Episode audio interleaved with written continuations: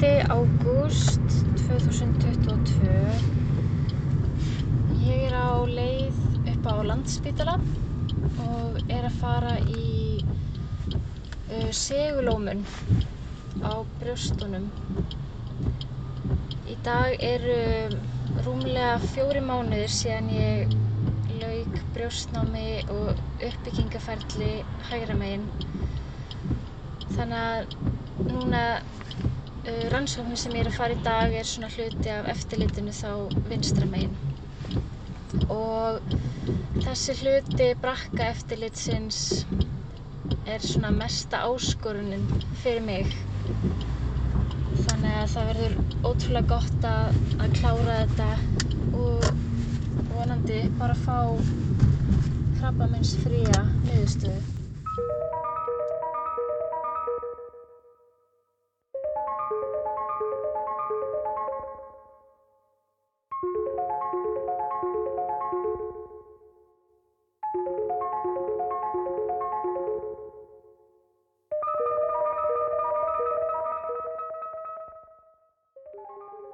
Ágæti hlustandi, ég heiti Harpa Dís Hákonardóttir.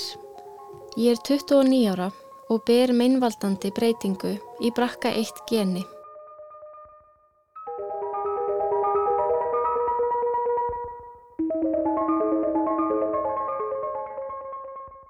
En meir af því síðar.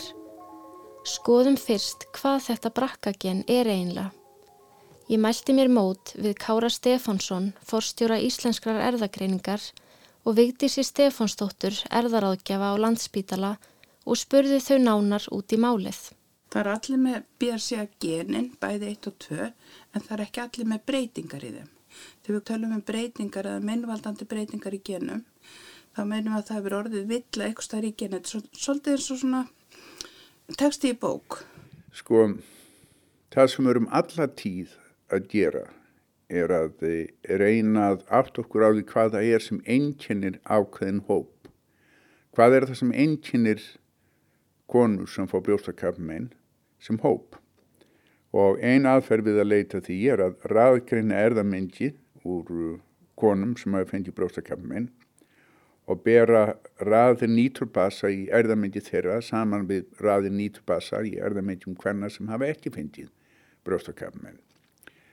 Og ef maður finnur stoppbreytingu eða breytanleika, einhver stað í erðamengjunum sem að er alltaf eins eða mjög oft eins hjá þeim sem að, að e, fá brjóstarkapmein en er öðruvísi hjá þeim sem fá hann ekki, þá er maður komið vísbendingu.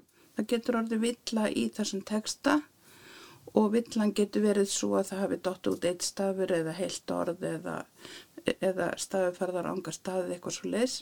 Þetta er það sem við erum að leitað. BRCA2 breytingin er þannig að það detta út fimm stafir til dæla framalega í gennu og það er svona í kringu staf þúsund, hún kallir 999 del 5 eða var það, sem þýðir á stað 999 detta út fimm stafir sem þýðir það þá að á eftir rugglast allt kerfið af því að genin eru lesin þrýr og þrýr stafir. Og við drýmum það er að detta út fimm þá verður þetta alltaf mikið stafarugla eftir að þetta halda frá manna að sér í þrjá og þrjá. Og nummer eitt, þú finnur slíka stöpbreytingu, eins og stöpbreytingun í brakka tveimur, þá ertu komin með aðferð þess að finna það fólks, það er konur sem er í áhættu og síðan ef þú ert, ert heppin, það getur þetta verið byrjun á því að búið til liv sem annarkort komið vekk fyrir, það gerir þig klift að lækna sútuminn þenni komin. Þannig að við segjum þú berð breytingu, þú berð meinvaldandi breytingu, af því þessi breytinga er það vissulega og, og meinvaldandi af því hún getur haft áhrif á eða auki áhættin á, á því að fá krabba menn í þessu geni. Brakka 1 stökkbreytingin var uppgötuð árið 1994 eða eins og fram kemur í læknablaðinu í janúar 1995. Eins og lesendum læknablaðsins mun kunnugt hefur nýlega tekist að einangra svo kallað brakka 1 gen, brestkanser 1 gen. Genið fekk nafn fyrir fjórum árum þegar fyrst komi ljós að gen sem tengdist ætlæri áhættu á að fá brjóstakrappaminn væri staðsett á lengri armi litnings 17. Einangrun brakka 1 gensins var tilkynnt á fréttamannafundi 14. september síðastliðin þremur vikum áður en greinin um það byrtist í tímaritinu Science. Samtímis var tilkynnt að sínt hefði verið fram á tengsl ættlægs brjóstakrabbameins við annað litningasvæði. Það er á litningi 13, Q12, 13. Var svæðið nefnt brakka 2 og greinin um það byrtist tveimur vikum eftir fréttamannafundin. Tilkynnt var um brakka 2 stökkbreytinguna stuttu síðar. Á Íslandi er talið að um 1% þjóðarinnar beri stökkbreytingu í öðru kóru geninu. Talið er að um 10% brjóstakrabbameina sem greinast árlega hér á landi tengist erðum á einhvern hátt. Það er alltaf mikil áherslu að við horfum á fjölskyldssöguna, fyrst og fremst og að því að hún segir svo mikið til um áhættin og líkurnar. Við höfum ekki neina beinatölu um krabbins áhætti í brakka e, í þessar ákvæmum breytingu. En hún er tölvert há og ef við tækjum alla, þú veist, kalla konur börn upp að 85 ára aldri ég veit ekki alveg hvað við ættum að segja því að það er líka þessi grunn áhætta sem við höfum. Nú segir hérna, er sagt að einna hverju þreymur fái gramminn einhver tíman á lífsleginni, eitthvað gramminn og þá er spurning hvernig getur við sortera það frá? Og jú, við veitum já að það er ákveðin gramminn sem fylgir þessari breytingu það sem við veitum ennþá allavega. Það er fyrst og fremst brjóstakrammin BRC að þýðir brestkanser brjóstakramminsgen og ekkjastokkrafmin áhættan á þeim er nú reynda meiri í, í hérna BRC1 e, svo er blöðraskapin í köllum sem kemur nú sem betur fyrir óttast ekki í ungu köllum þannig eftir þetta byrjar ekki fyrir hennu færtugt maður það líka að horfa fjölskyldsöguna með það í sömum fjölskyldum en, en frekar fáin sem betur fyrir er brískrapamenn og svo er áhætta á, á úðkrapamenn aðeins aukin. Í íslensku samhengi þá er e, munurinn fyrst og fremst sá að að brakka tvörstöfbreytingin er miklu algengari og brakka tvö stökkbreytingin á Íslandi er alveg sérstök það er bara ein stökkbreyting raunverulega í brakka tveimur sem, sem hefur herjað á, á íslenska þjóð og það er um, svona dæmidjarð stökkbreyting sem eh, finnst í tiltúlega einangrari þjóð eins og Íslandingum það sem að, að eh, þessi stökkbreyting hefur átt í stað í einum porfæru okkar sem á síðan mjög marga afkomendur í íslensku samfélagi. Og þetta er það sem við kallum landnæmabreiting, hún er gömul hérna á landi og tölvert drefð. Eiginlega einir staðar sem ég hef ekki fundið hann er vestferðir en hún er út um allandana en það eru miklu, miklu, miklu fleiri breytingar til bæði í brakka 1 gennu og brakka 2 gennu. Brakka 1 stökkbreytingin er fágetari hér á landi og finnst aðeins í nokkrum fjölskyldum. Stökkbreytingin er mun algengari erlendis. Í ársbyrjun 2007 var fyrsta brakkatilfellið greint á landsbítalanum.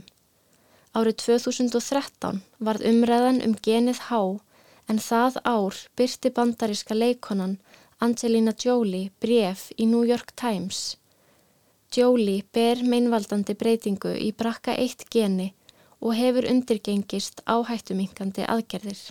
Og þetta bref sem kemur þarna, gott að vera ekki mæ, það varð allt vittlust, bara bóstarlega og hérna símir stoppaði ekki hjá okkur. Þá er skindilega áttuðu mjög margir sig á því mögulega þyrti ég að fara í rannsókn af því að það er svo sterk sagangrafminni fjölskyldinni. Áhrifin sem bref leikonunar hafði voru slík að oft er talað um The Angelina Jolie effekt eða Jolie áhrifin. Árið 2018 urðu önnur tímamót í vitundavakningu um brakkagenið en þá opnaði Íslensk erðagreining vefsinn arfgerð.is. Þegar við vorum búin að afla tölvöld mikill upplýsinga um eh, Íslensk erðamengi það var okkur alveg ljóst að við gætum fundið í næstum alla þá sem bera brakka tvö stökkbreytingunum í Íslandi. Og það er alveg ljóst að þeir sem bera þessa stökkbreytingu er með, með bísna miklar líkur á því að mynda krabbamein hjá konum sérstaklega í, brjóstum og, og ætjastokkum og hjá kallmannum í, í uh, blöðurhálstýrli og svo framvegis. Og líkurnar á því að arbeirarnir fái eitt af þessum krabbamennum eru svo miklar að okkur fannst það raunverulega glæpsamlegt að tilkynna þeim ekki þeir sem við vissum að hefðu stökkbreytingarnar stökkbreytinguna til hefðana en við martum það ekki. Það er að segja að það er lítið svo á í íslensku samfélagi að réttur manns til þess að vita ekki vegið vissuleiti þingra heldur en rétturinn til lífs. Þannig að, að við áttum engan annan kost en, en að einfallega setja upp heimasíðu og auglýsa síðan að þeir sem hefðu áhuga á því að vita hvort þeir hefðu bæru þessa stöppbreytingu ekki, gætu leita þangan. Nú á við settum hann upp og, og eftir eitt eða tvö ár þá voru í kringum 30.000 manns búin að leita hann á síðana sem er ekki nema brot af, af þeim sem að ættu að gera slíkt. Á arfgerð.is getur fólk kannad hvort að beri hinn að svokölluðu landnema stökkbreytingu eða breytingu í brakka 2 geni. Til þess að fá úr skorið með aðrar stökkbreytingar verður að fara í gegnum erðaráðgjöf landsbítala. Íslensk erðagreining hefur staðið fyrir fræðslu fyrirlestrum um arfgengar sjúkdóma og árið 2018 kom út heimildamyndin þegar vittlust er gefið um brakka og brjóstakrappamenn. Það er ansi stór hópur, ansi mikil fjöldtaverðavísum og það er ansi stór hundrasluti í íslenska þjóðar sem ber þannig stöppbreytingar að, að það er auka mjög líkur á banumennum sjúkdómum og það, það með sér sjúkdómi sem einhver er hægt að gera við. En við höfum sem samfélag dreyið fæturnar og við hefum ekki búið til aðferð til þess að koma þessum upplýsingum til stíla, við hefum ekki búið til aðferði til þess að sjá til þess að samfélagi geti nýtt sér þessa tekkingu til þess að venda þetta fólk sem er með þessa stöðbreytingar. En í dag eru gerðar nýjar uppgötanir um samhengi erða og líkur á mismunandi krabbameinum en eins og fram kemur í fréttablaðinu 4. oktober 2011. Vísindamenn hjá Íslenskri erðagreiningu hafa í samstarfi við aðra vísindamenn hérlendis og vísindamenn í Hollandi, Finnlandi og Spáni fundið erðabreitileika í BRIP1 geninu sem tengist aukinni hættu á krabbamenni í eggjastokkum. Þeir hafa einnig fundið erðabreitileika í öðru geni, TP53, sem tengist hættu á húðkrabbamenni krabbameini í blöðruhálskirtli og krabbameini í heila. Greinar þess efnis byrtust á VF tímaritsins Nature Genetics í vikunni sem leið. Nú á þessum tíma þá var lagt fram frumvarp til laga af alltingi sem hefði veitt heimild til að leita til fólks með, með uh, þessa stöpbreyting en einhvern veginn þá gufaði það frumvarp upp var aldrei greitt um það atkvæði og ég veit eftir hver örlug þess hafa orðið almennt.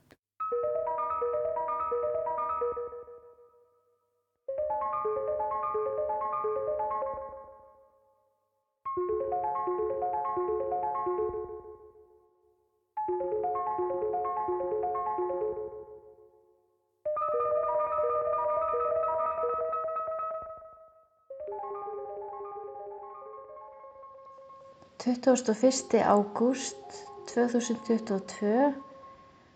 Ég var að fá skilaboð inn á heilsuveru um að segulómskoðun á brjóstunum hafi komið vel út og allt hafi verið eðlilegt. Þannig að það bara eru frábæra fréttir og, og þá er bara hálft ár í næsta eftirlit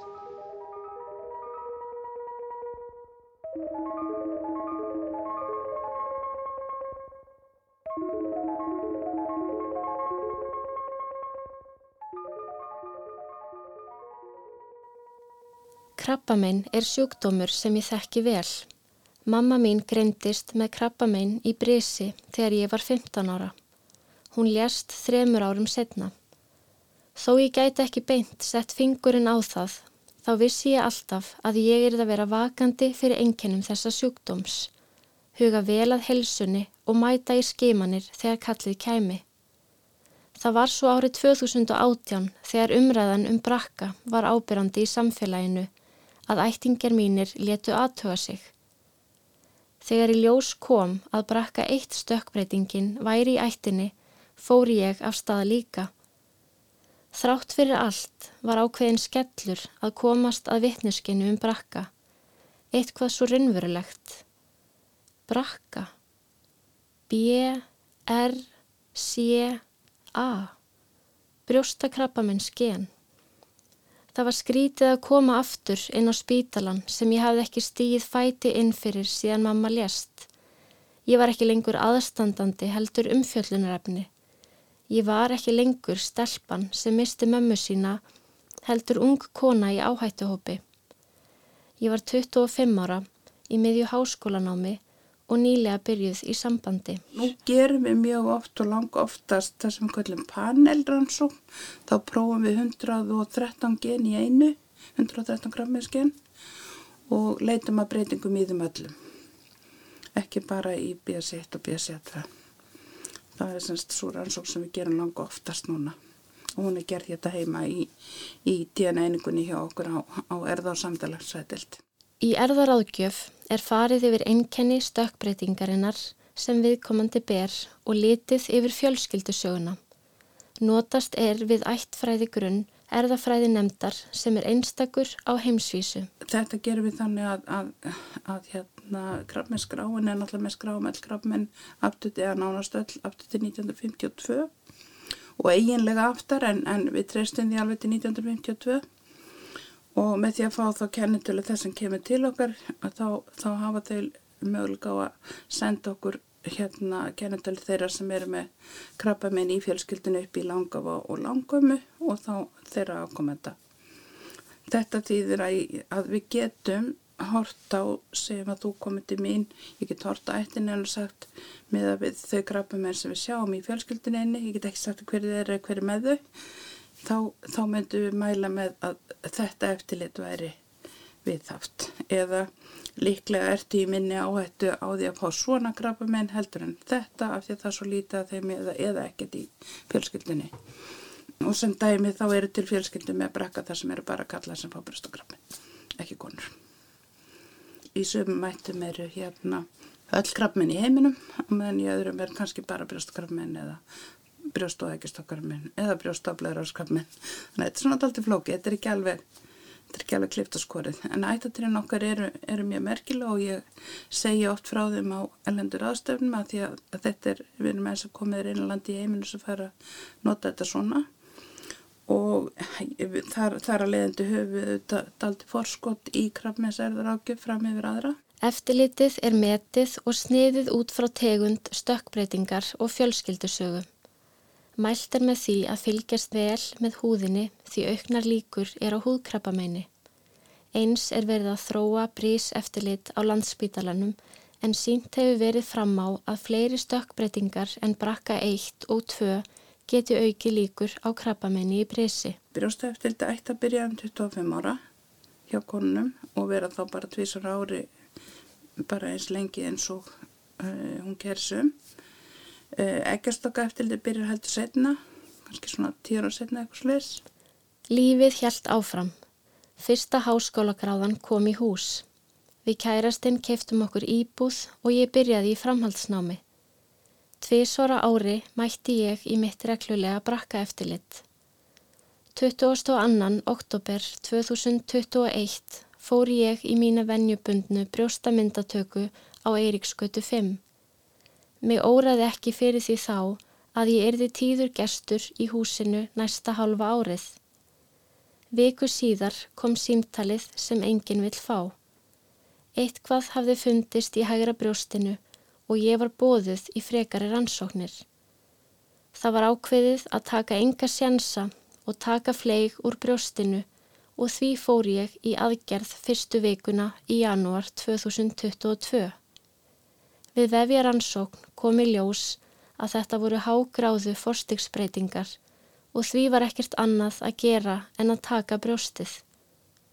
Í lók janúar fór ég í brjóstnám og lá á kvenleikningadeild 21a í fimm daga á eftir. Átta vikum síðar fekk ég púða í staðin fyrir brjóstvefin sem hafi verið tekinn.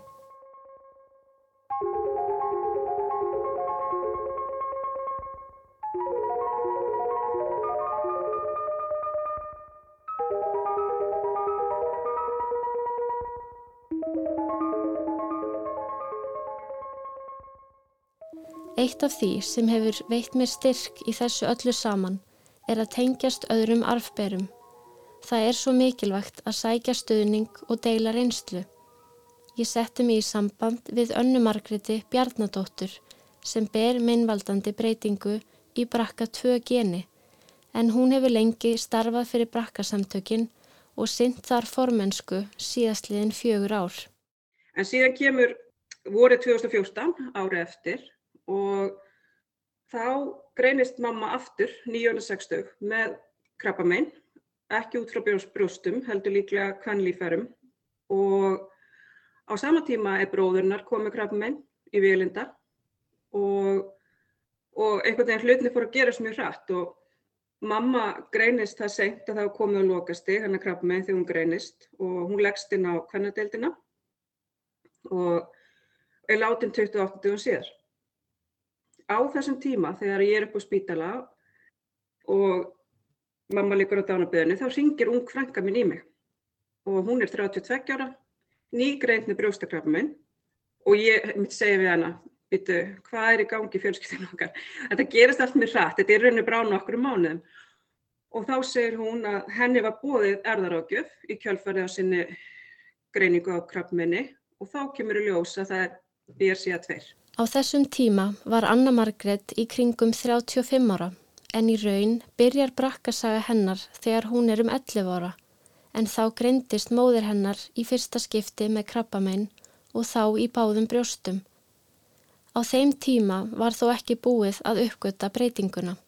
Og í kjölfarið uh, þegar að frænka mín færist að greiningu þá var sjálfsögðu upplýsurinn okkur um það og hvaða þau farið og, og það var sjálfsögðu bóðið að tala verðar á gjuna og, og ég vissum leið að ég vildi láta aðtúa hvort að ég var líka með breytinguna. Já, sem sagt, mamma lest í lók júni og mánuðið síðar þá, þá deyr bróðurnar úr krömminni, það var bara einn mánuður um millið þeirra. Og fjóru mánuðið síðar þá deyr amma. Og á þessum tíma ég mitt fekk ég mína greiningu á að ég var arberi og var bara meðtekast þessar upplýsingar og ákvað strax, það var strax frábært teim á landsbytalanum sem tók, tekur á móti manni. Maður fær samtal hjá erðarákjafa, maður fær samtal hjá skurleikni, hjókurunafræðingum, þannig að það fer ákveði ferðla stað sem er alveg frábært og ég fann mikið örygg í því. Fljótlega ákvað Anna Margret þó að skrá sig á bygglista til þess að komast í áhættumingandi aðgerðir. En það að vera í eftirlitinu er stressandi og það er rauninni alltaf að maður fer í tíma þá, þá fer höfuð á stað, er, er krabbin kominn og ég var búin að vera í eftirlitinu í eitt ár og, og þá liggi í tjekki og það fannst eitthvað sem að þeim fannst eitthvað, já, jafnvel eitthvað, væri eitthvað í gangi. Þannig ég fór í sínatöku og ég man að ég hugsaði með mér þegar ég beði eftir niðurstöðunum, já, þá er krabbin á undan áður en ég kemst í fyrirbyggjita aðgerð. Og þá fór alltaf stað hjá mér og ég fór að íta á að ég vildi komast sem allra fyrst í aðgerð. Og sem betur fyrr þá komst ég að í júni 2016 og fór í mínar, uh, fór í stóra aðgerðina. Fyrirbyggjandi aðgerð, brjóstnám, uh, gervörtu fjarlæðar, ekkist okkur aðgerðleðarar í sömu aðgerð. Já, og í kjölfarið í uppbyggingu uppbyggingu á brjóstum. Það tók nokkra mánuði og ég var mjög heppinn, það gekk, gekk allt mjög vel, slapp við sýkingar og svo framvegis og, og, og já, auðvitað er uppbyggingin mál en ég hef aldrei síð eftir þessari ákvörðun og er rosalega þakklátt fyrir að hafa farið í, að fengi tækifæri til að fara í áhættu minkandi aðgerir. Konum sem bera meinvaldandi stökkbreytingu í annarkort brakka 1 eða 2 geni er ráðlagt að fara í áhættu minkandi aðgerðir í kringum færtugt. Þetta er vegna þess að líkunar á krabbamenni í brjóstum og ekkjastokkum ekst með hækkandi aldri. Ég er með stóru ör yfir með brjóst og var mikið búin að velta fyrir mér hvort að ég ætti að fara í gerverstu tattoo sem er hægt að fá mjög raunverulega og flott. En mér fannst það eitthvað en ekki spennandi vegna þess að ég var hvort sem er tilfinningarlaus á þessu svæði og ekki með geirvörtur og hugsaði, fór að hugsa aðra aðra valmöguleika og í gegnum störf mín hérna erlendis líka þar sem ég hef kynst konum út um allan heim sem eru í krabbameinssamfélaginu og, og með brakka og, og svo framvegis, þá sá ég hjá einni að hún hafi farið í listrænt húflúr yfir, yfir örin. Og ég fór að skoða listamenn sem að gera þetta. Og ég fann einn um, sem heitir David Allen og hann er í Chicago. Og hann sérhefði sig í því að húflúra yfir ör. Og ég sá að hann tók, tók eina konu mánuði, var með henni heilan dag og sérhefði sig í einmitt að tattúa konur sem að hafa af einhverjum ástöðum þurfti að láta fjarlæga, fjarlæga brjóstvið. Og fyrir utan að mér fannst hans stíl, þetta er svart hvítur stíl, hann gerir mikið af blómum, mér fannst það mjög fallett og já, þannig að ég skrifaði honum, sagði hann á söguna mína og var einmitt á, á bygglista í nokkur tíma. En svo skrifaði mér tölupóst og spurði hvort að ég gæti komið 21. mars árið 2019 og þetta var hálfu ári áður en ég komst að og ég fekk svona hróll af því að þetta var semst ammaliðstæðurinn á mömmu og mamma hefði orðið 65 ára á þessum degi og ég segði þetta já takk og svo horfið upp í heiminin og þakkaði mömmu fyrir að kippa í, í spottana. Ég, eins og segi, var hjá hann heilan dag, þetta var, þetta var ekki þægilegt. Hann spurði mig um mitt, uh, ertu stressuð? Og þetta var fyrsta tattúum mitt og ég sagði já, en ég er auðvitað svo tilfinningarlaus þannig að þetta verður öruglega ekkert mál. Og hann sagði, jú, veistu, þetta verður vond. og það er nákvæmlega þannig að þegar það er verið að, að, að tattúa inn í örið þá að sjálfsögðu finnur þú til. Í rauninni kemur það líka kannski inn á, inn á sjálfsmyndina eftir svona aðgerðir. Ég, ég viðkynna það að ég er rosalega ánað með útkomuna á þessu. Það hefur skipt mér máli að fara í þetta. Það skiptir mér máli að fara í húflúrið einhvern veginn líka til að kannski loka því ferli. Ég fór í aðgerðina 2016, síðan fer ég í húflúrið 2019 og það var, það var góð tilfinning. Í dag er bóðið upp á áhættumingandi aðgerðir á landspítalanum og á brjóstaklíninginni í Ármúla. En aðgerðirnar á klíninginni hafa verið niðugreittar af sjúkratryggingum Íslands frá árinu 2017. Anna Margret er nú búsett í Bandaríkjanum og sagði mér nánar frá eftirlitinu þar eftir áhættumingandi aðgerðirnar. Um, ég flytt hinga þremu vikum eftir setna aðgerðina mína. Þannig að ég er mitt búin að vera í eftirliti eftir það engöngu hér í bandaríkjunum. Og þegar ég kom út þá fann ég uh, góðan brjóstaskurlegni til að fara til og ég er með frábæran kvannsjóðumarlegni sem fylgist líka með mér mjög vel.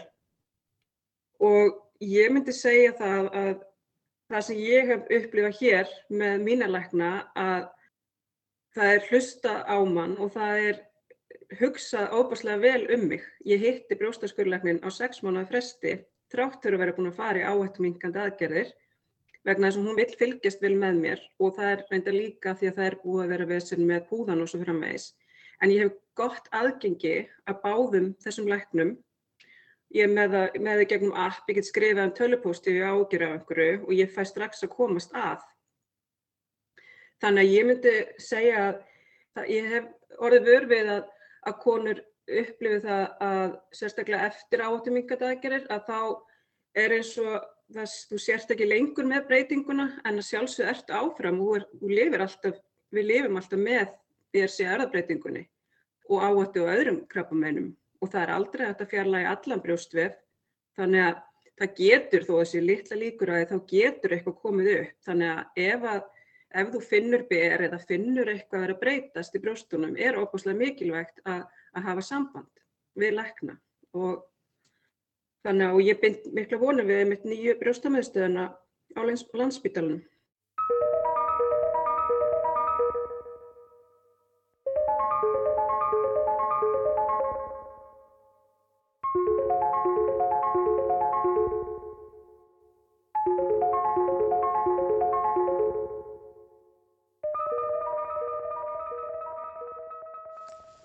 5. oktober 2022 Það hefur verið að sækja á mig hræðsla undanfarið. Hræðsla við að greinast aftur. Núna er hálft ár síðan ég svona útskrifaðist frá brjóstameðstöð og mér finnst eins og ég sé kannski að koma upp úr einhverju veikindamóki og, og svona átta mig betur á því hvað gerðist og, og svona hvernig staða mín hefur breyst eftir þetta. Og það er bara staðrend að, að prósentunar eru ekki mér í hag. Um, og þó að eftirliti sé frábært þá kemur það ekkert í veg fyrir að hlutinir gerist. En svo er einhvern veginn hinn hliðin, kannski verði ég hundgumul, kannski ekki. En vil ég þá hafa eitt tímanum í hræðslu?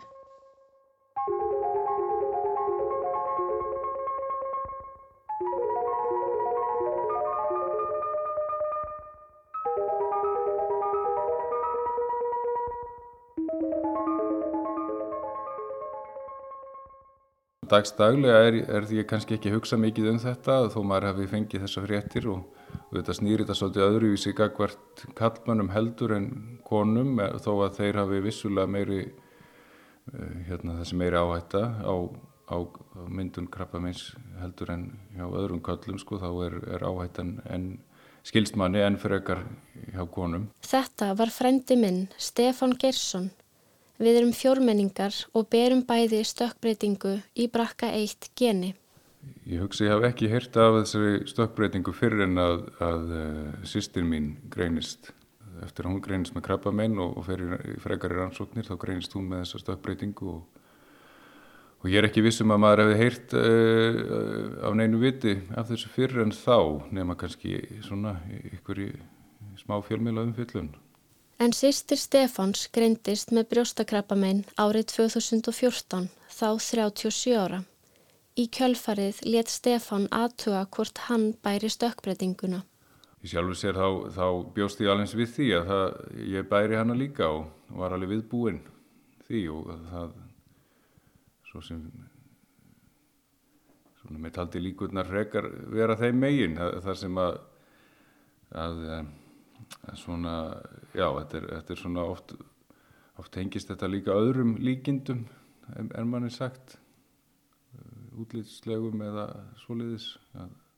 Í dag er Stefán 41 árs. Ég talaði við erðarákjöf landsbítalans og, og það helst úræðin fyrir mig svona til að byrja með þeirra allavega að vera í reglumundinu eftirliti og vera meðvitaður um uh, hvað, hvað þetta getur leitt af sér að bera þessa stökkbreytingu og Eh, Blöðrálskarminseftildi byrja um færtut hjá körlum og þá er það einn svona ári sem er mælt gildi sem heitir PSA, eh, Prostate Specific Antigen í blóði hjá þeim og það er teimi hérna þákvæðarskólegin sem heldur utan að það. Sumir kjósa að gera þetta í gegnum heimilislegn og það er bara í góðu lagi. Stökkbreytingin í brakkagenni getur valdið sjúkdómi á fullorðins árum en hvernig lítur þetta út fyrir yngstu kynnslóðina?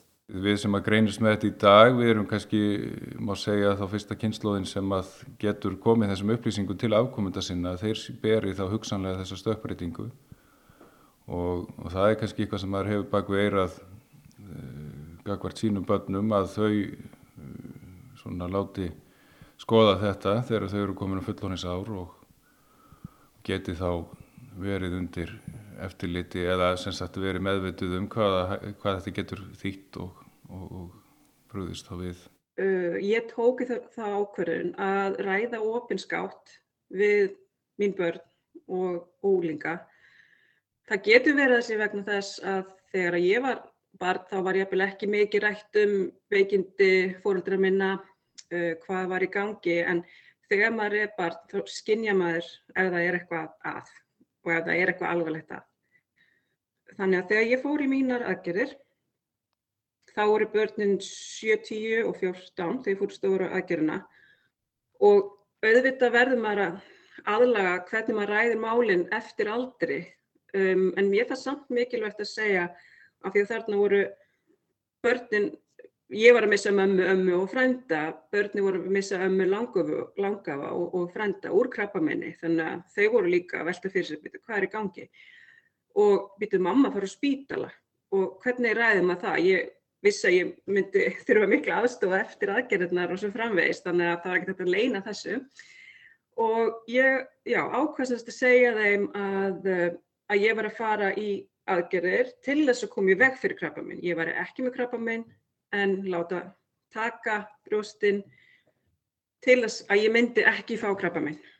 Og kannski var ég of hreinskilin, ég náttúrulega orðaði þetta öðru sig, ég rætti við elsta til dæmis bara, hann var 14 ára og ég rætti við hann um erðabreitinguna og sagði að syns, það væri það sem var í gangi og, og sagði einmitt líka sem er mjög mikilvægt að því að maður vil náttúrulega eins og maður getur ekki, ekki hræða þau en segja ef það er, ef það er jákvægt, það eru 50% líkur þessi jákvægt eða neikvægt hjá, hjá börnunum okkar, að ef það er jákvægt að minna þá á að það er teimi sem grýpið þig, það er fylst rosalega vel með manni og það er ímislegt hægt að gera, þannig að Mér finnst það mjög mikið vekt. Þetta er líka svo meðsmönd hvað fólki finnst sko. Í sumum fjölskyldum er gríðanlega mikið krabbabenn og þar er fólki auðvitað meira í mun að fá þessar upplýsingar fyrr til þess að geta þá farið í fyrirbyggjanda að gera, til þess að geta verið í eftirliði, til þess að vera betra verði. Það er mjög skiljanlegt. E, í öðrum fjölskyldum kannski hugsa fólk með sér, já, skoðum þetta svona eitthvað upp út rítu eða eitthvað slíkt sko. Þetta er alltaf, þetta er svo persónlega ákverðun en það er ekki hægt að mæla með neinu. En fyrir átjan ára aldurs varðandi brekka tvöskiptun og ekki miklu máli því að ég held ekki að það sé tekt en krabba minn hjá svo ungu fólki sko í, í brekka. Ég myndi alltaf býða fram að sjálfur að saldri ef að það er einhver möguleiki og er ekki einhver sérstak ástæði sem að sem að hérna veldur því að fólk vil gera þetta fyrr. Nýlega byrstu bandarísku samtökinn FORS sem standað ímsum rannsóknum tengdum samhengi erða og krabbamenns niðurstöður um þetta efni. Þar var viðþorf til krabbamenns skoðað hjá tæplega 300 ungmennum sem öll eiga móður með breytingu í brakkaginni en sjálf höfðu þau ekki farið í erðaransókn. Niðurstöður bentu til þess að þau höfðu ekki allt of miklar áhyggjur og að jafnvel finnist þeim gott að geta rætt breytinguna á opinskáan hátt. Síu einstaklingar með breytinguna í barnignahugleðingum býður landsbítalinn mögum þeirra líka að koma í panelrannsókn. Til til að nýla byrjið á því, uh, það eru semst séu foreldrar báðir með breytingu, ekki það þurfu ekki endilega að vera með sömu breytingu, við heldum breytingu í brakkatöð og eignast sama barn, þá eru nú ákveðna líkur á því að þau geti eignast barn sem er með alveg vandamál. Þetta sem betur alveg óskaplega sjálfgeft, en, en þú veist tilverikist þá bjóðu við þetta.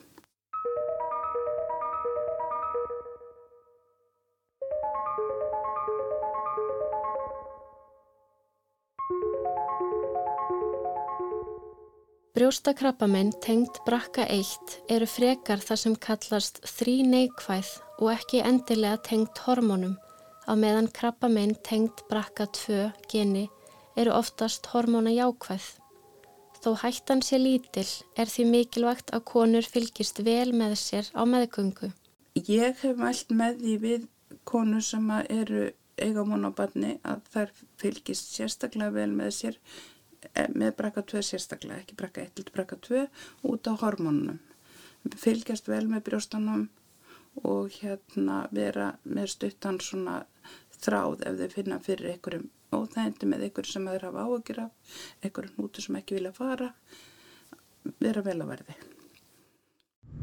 12. november 2022 Í dag er rétt rúmt ár síðan fórstíksbreytingarnar greintust hjá mér og ég var að koma af aðalfundi brakkarsamtakana. Ég hef aldrei áður mætt á viðburð á vegum þeirra en það var ótrúlega gaman og eitthvað svo mikið léttir að hitta fleiri með svipaða reynslu og ég er komin í stjórn þannig að það eru bara spennandi tímar framöndan. Brakkasamtökin voru stopnið árið 2015 og eru fyrir BRC Arbera og einnig þá vikkuðum við út nýlega starfsum okkar þar sem við erum líka fyrir þá sem bera aðrar erðabreitingar. Því að, að við vorum að fá fyrirspurnir einmitt frá einstaklingum sem voru að greinast með krabbamein og í kjölfarið með aðrar breytingar heldur en BRCA. Þannig að okkur veist mikið rætt að vera til staða fyrir þá líka. Brakkasamtökin eru hagsmunarsamtök og stjórnir eru öll ólaunuð og gefa vinnu sína í þáu málstæðsins. Starfsum okkar hefur verið fjölbreytt síðastliðin ár. Við byggum til heimasíðu í sjálfbúðavinnu og í samstarfi við fræðumenn fengum við efni og opniðum brc.is árið 2019. Stórt baráttumál eða stórt svona hagsmunamál fór í gegn í janúar síðastliðin en þá var gerð breyting á ferðarkostnaði og hjá tryggingastofnun.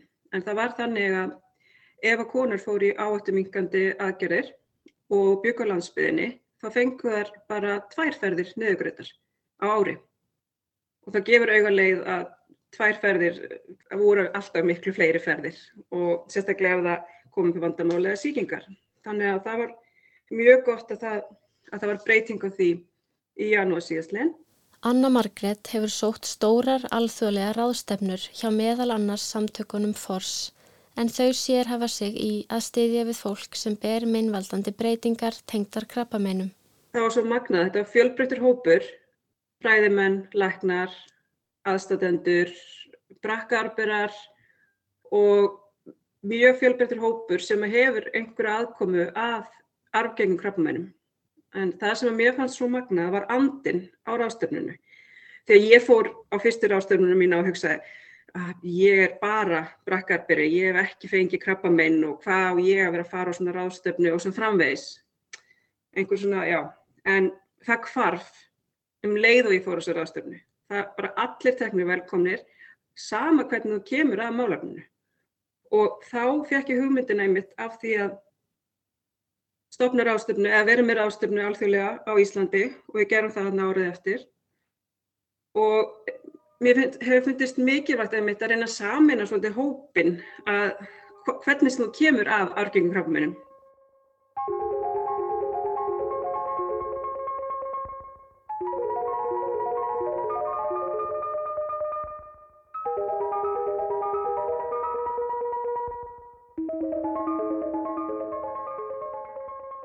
Í þrjá ætliði aftur hafa formaður mínar í kvenlegg allar látist úr krabbamenni. Elstu heimildir sem ég hef fundið er úr kirkjubók frá árinu 1918 en þar er skráð dánarorsök langömmu minnar sem lést 46 árað aldri. Það kemur þó ekki fram hvar hún fekk krabbamenn og mér hefur ekki tekist að fá úr því skorið. Ég er fyrst í keðjunni sem fæ skýringar fæ upplýsingar og hef geta brugðist við. Erðaransóknum flegir fram og sífælt eru gerðar nýjar uppgötanir. Hvernig skildi framtíðin líta út? Það eru gerðar stærri og stærri rannsóknir og það eru til lífsinursöps þar sem er hægt að nota síni og, og færi gegnum meðal hans í Íslenskæra greiningu en, en út um allan heim eru til stór lífsinursöps sem eru, eru þá notið í stærri rannsóknir. Fólk er kallað inn í hóprannsóknir eða búið að taka þátt í hóprannsóknum og þetta hjálpar okkur allt til þess að skilja erðaefni miklu betur. En áttur við vitum en þá ekkert óskaplega mikið um það. Það er margt í því sem við vitum ekki. En við skiljum tölvöld margar af þessu, þessum breytingu þessum minnvaldi breytingu hvað það er að gera.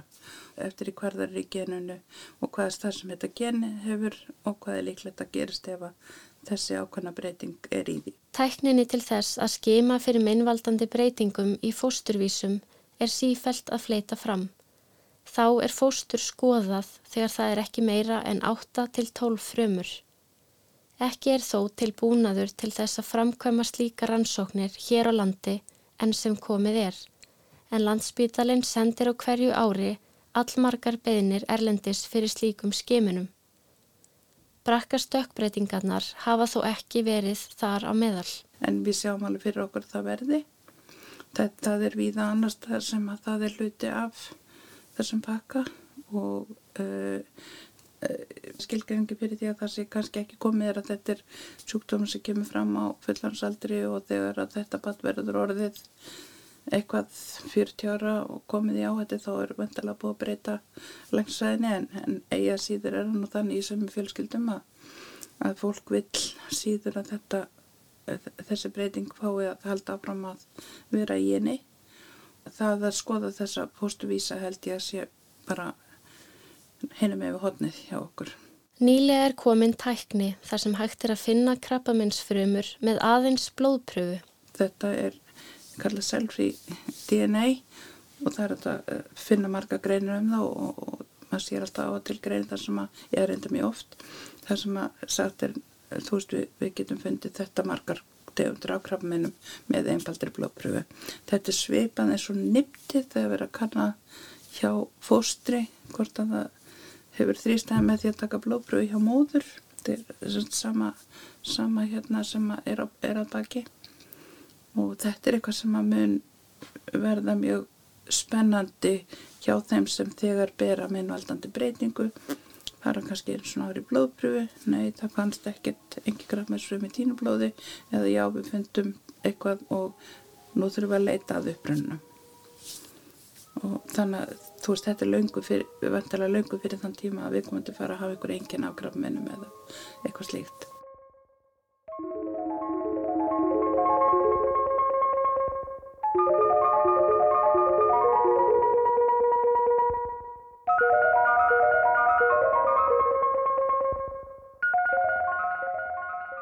Þetta er þetta ekki eitthvað sem er hérna og veldi fegin vera laus við þetta, það er ekki það og, og hérna og eins að þetta áhættu að skila þessu til afkomenda sinna.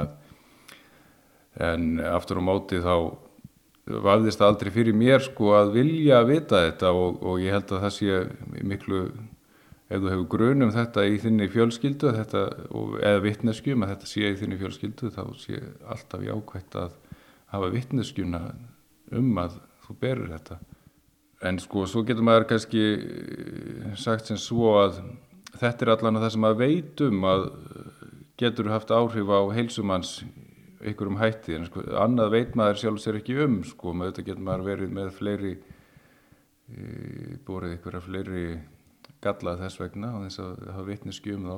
Og má, ég, það sem ég kannski reyna að segja er að, að mér hefur ekki fundist einn svona þetta verður ekki virkað þannig á mig að ég þurfi að vera, hvað ég vil segja, skelkaður eða, eða taka einhverjar stórar ákvarðanir um, um breytingar á mínum högum að lífi þannig séð en þó að það sé gott að hafa þessa vittnesku þá, þá kannski hefur þetta ekki valdið miklu róti sjálfuð sér.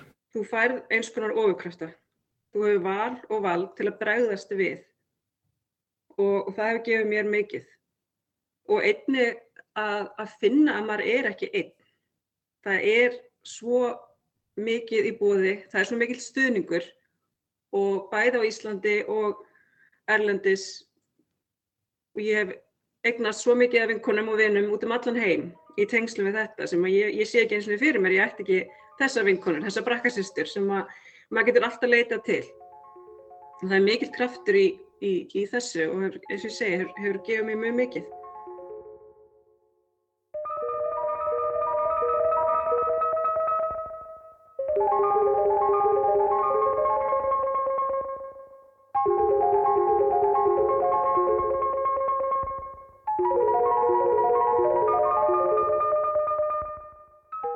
Ágæti hlustandi. Nú er komið að lokum hjá okkur. Ég þakka kærlega fyrir samfélgina og ef einhverjar spurningar vakna vil ég benda á erða og samyndalæknisfræði deild landsbítala og brakkarsamtökin. Takk fyrir.